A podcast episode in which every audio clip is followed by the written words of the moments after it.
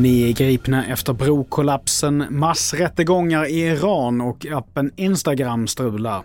Men TV4-nyheterna börjar med att tidigare idag så höll Sveriges finansminister Elisabeth Svantesson en presskonferens om landets ekonomiska läge, där hon konstaterade att vi är på väg mot en bister vinter. Normalt sett när vi går in i lågkonjunktur så brukar finanspolitiken kunna vara ganska expansiv och se till att efterfrågan höjs. Det kan vi inte göra nu.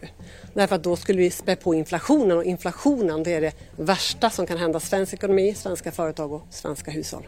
Och vidare till Iran då där över tusen personer som tillfångatagits av regimen under protesterna kommer att dömas i offentliga rättegångar i Teheran. Det rapporterar statligt kontrollerade medier.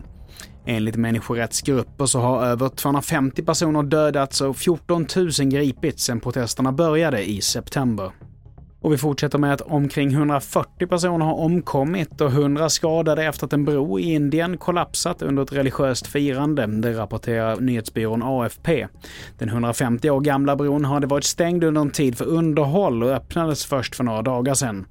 Nu har nio personer med koppling till företaget som utförde underhållet gripits av polis. Och fyra av tio svenskar vill se ett förbud mot A-traktorer efter den senaste tidens kraftiga ökning av antalet olyckor.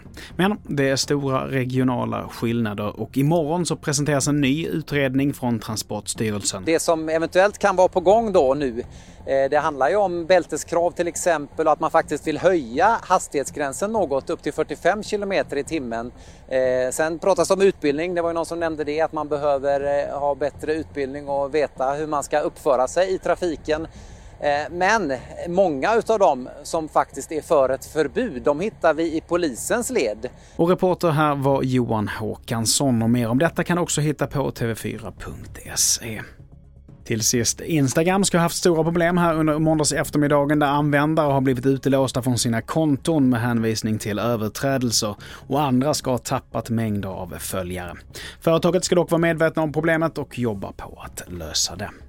Fler nyheter hittar du på tv4.se. Jag heter Mattias Nordgren.